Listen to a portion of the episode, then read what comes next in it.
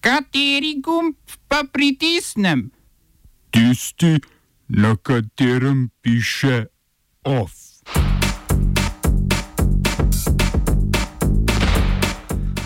Sudanski premijer je preživel poskus atentata.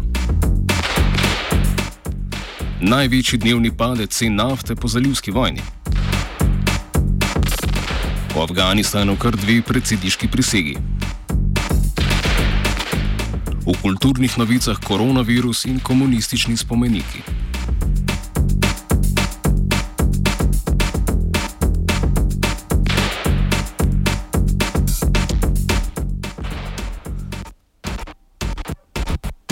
Cena svetovne nafte je v nedeljo zvečer padla za 30 odstotkov, z 45 na 30 dolarjev na soček, kar je največji dnevni padec po zalivski vojni.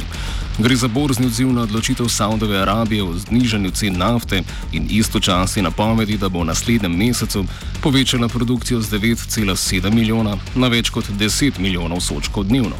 Zalivska kraljevina je to storila po neuspelih petkovih pogovorih Združenja OPEC Plus na Dunaju. Gre za zavezništvo držav izvoznic nafte, OPEC, skupaj še osmimi drugimi državami izvoznicami. Na srečanju so partnerice neuspešno skušale doseči dogovor o zmanjšanju produkcije z namenom zamejitve padanja cen. Te se znižujejo zaradi upada v popraševanju, pri čemer je pomemben faktor tudi pojav novega koronavirusa. Prejšnji dogovor o zmanjšanju med partnericami OPEC Plus poteče konec meseca na kar namerava Rusija svojo produkcijo povečati, zato v zmanjšanje lastne proizvodnje na pogovorih ni želela privoliti. Kot kaže, se bo v tem pridružila tudi Saudova Arabija, ki manipulacija cen nafte za politične namene ni tuja.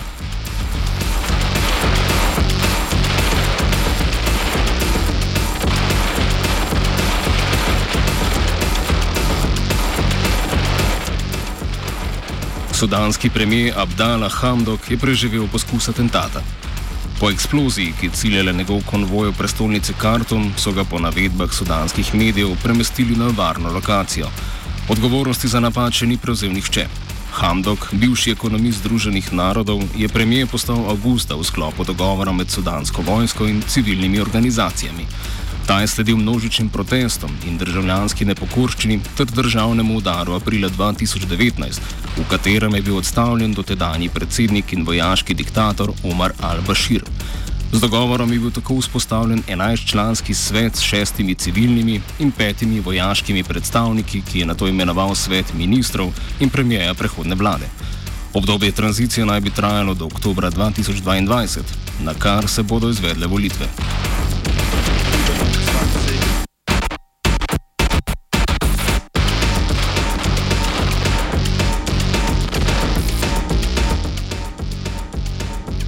Afganistanu sta na ločenih inauguracijskih ceremonijah prisegla nasprotujoča si kandidata za predsednika. Zmagovalec volitev je sicer dosedani predsednik Ashraf Ghani, vendar njegov tekmec Abdullah Abdullah rezultatov ne priznava in za zmagovalca razglaša sebe. Ponavlja se torej zgodba iz leta 2014. Tudi takrat je na volitvah zmagal Ghani, Abdullah pa rezultata ni priznal. Do pomiritve strasti pa je prišlo po ustrajanju ZDA. Kandidata sta takrat sklenila dogovor, po katerem je Gani postal predsednik države, Abdullah pa tako imenovani izvršni vodja. Nova ustvarjena pozicija mu je dajala podobna pooblastila kot predsedniku vlade. Posebni odposlanik ZDA Zalmej Kalilzad se je sicer udeležil pogovorov z obema kandidatoma, a očitno brez uspeha. Poleg ZDA pa si razrešitve situacije želijo tudi talibani, saj jih v tem mesecu čakajo pogovori z afganistansko vlado o mirovnem sporazumu, ki bi omogočil dokončen umik ameriških sil iz države.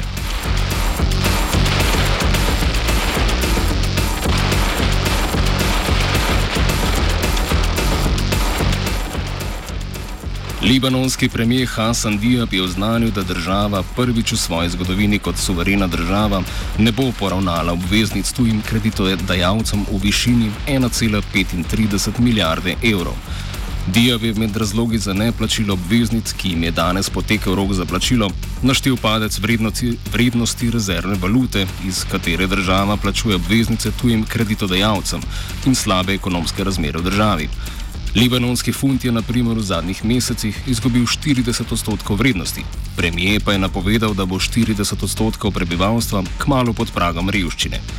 Premijer, strinjanjem predsednika države in vladnih finančnih strokovnjakov, je napovedal pogajanje s kreditodajalci o prestrukturiranju celotnega dolga v višini slabih 25 milijard evrov. Neporavnavo dolga, ki trenutno znaša 170 odstotkov bruto domačega proizvoda, podpirajo protivladni protestniki, nasprotujejo pa i lokalne banke, delne lasnice teh obveznic, saj bo njihovo poslovanje s tujimi bankami zaradi neplačila oteženo. Naslednji rok za odplačilo novih kreditov tujim bankam se izteče aprila.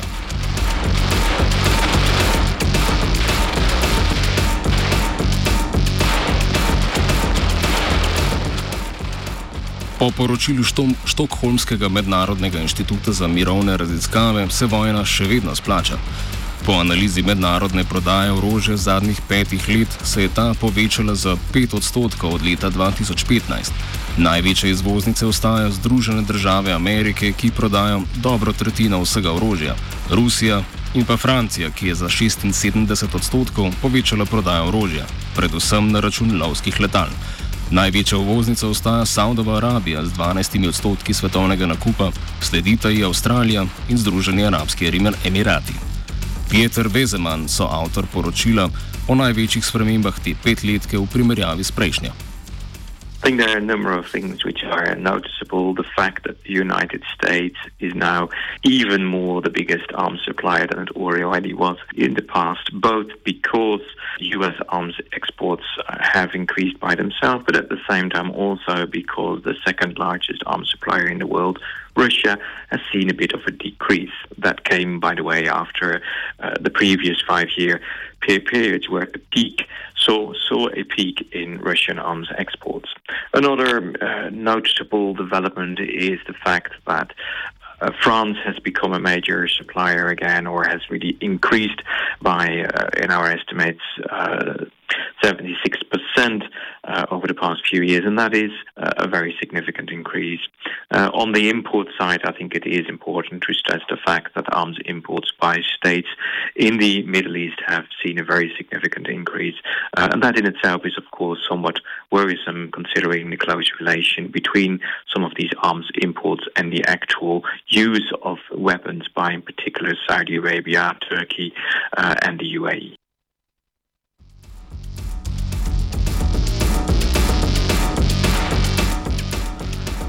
Poročilo rusko zmanjšanje pripiše predvsem temu, da Indija kupuje bolj raznoliko. Četrta največja izvoznica orožja je Nemčija, ki je izvoz povečala za 17 odstotkov. Nemška vlada svojo izvozno politiko sicer označuje za omejevalno. Vezeman pojasni ta paradoks.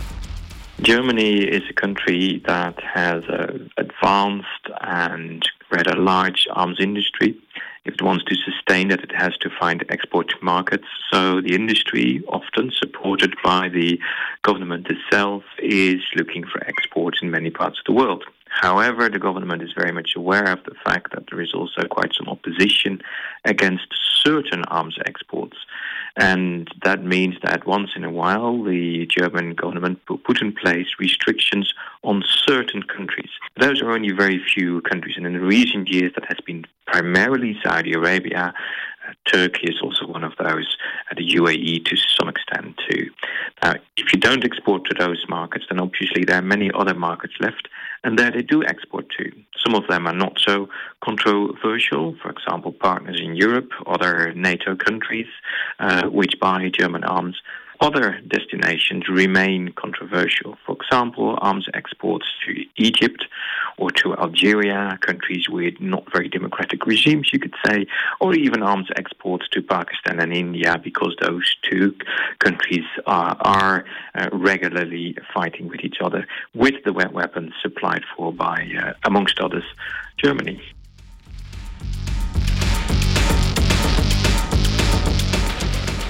Ženske celega sveta so mednarodni dan žensk prebile na ulicah. Protestnice Latinske Amerike so množično protestirale proti umorom žensk in okrjeni pravici do splava. V Mehiki so opozarjali na dvakratno povišanje števila umorov žensk v zadnjih petih letih in na premajhno število preiskavnih umorov. Za danes so z namenom opozarjanja na umore žensk napovedale izginotje žensk iz javnega življenja, torej stavko žensk in izostanek iz šol ter drugih javnih prostorov. Okoli 200 tisoč čilenk se je zbralo po tamkajšnjih mestih, kjer so protestirali proti umorom žensk in za razširitev pravice do splava, ki je do 2017 veljal za kaznivo dejanje. Sedaj je splav dovoljen v primeru smrti fetusa, posilstva in ogrožene zdravja nosečnice. V Bogoti pa so Kolumbike protestirale proti nedavni odločitvi ustavnega sodišča, ki je prejšnji mesec potrdilo dosedanje omejitve splava za primere posilstva, poškodb fetusa ali tveganja za materino zdravje. Oba, če bom odgovoril na angliški. Slovenija will try to help. Uh, we can. Slovenija will. Uh, and we will. Do our utmost. To say that the situation is. Our problem ourselves. And uh, we will. Uh, make further steps as soon as the conditions are. Bomo vlado Marjana Cererera Šarca podprli. Very, very serious. News from Slovenia. We know how and we will.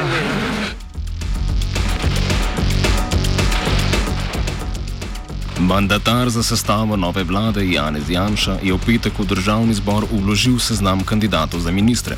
Na njej najdemo stranki SDS lojalna imena, kandidate, ki so se iz politike vmes bolj ali manj že umaknili, pa tudi javnosti relativno neznane obraze.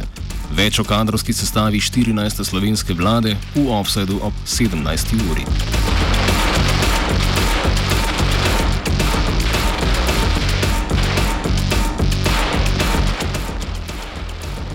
Interventni zakon za sofinanciranje čakanja na domu, kreditne linije SID banke, slovenskega podjetniškega sklada in slovenskega regionalnega razvojnega sklada, pomoč na področju internacionalizacije, pomoč podjetjem v težavah, delo od doma in primeri karanten, predlog odloga plačila davčnih obveznosti in ukrepi na področju promocije turizma.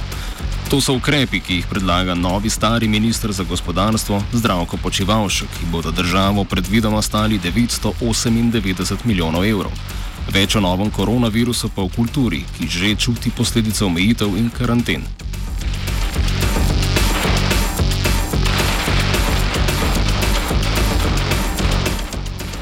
Ovsta pripravila vajenec Andrej in Geja.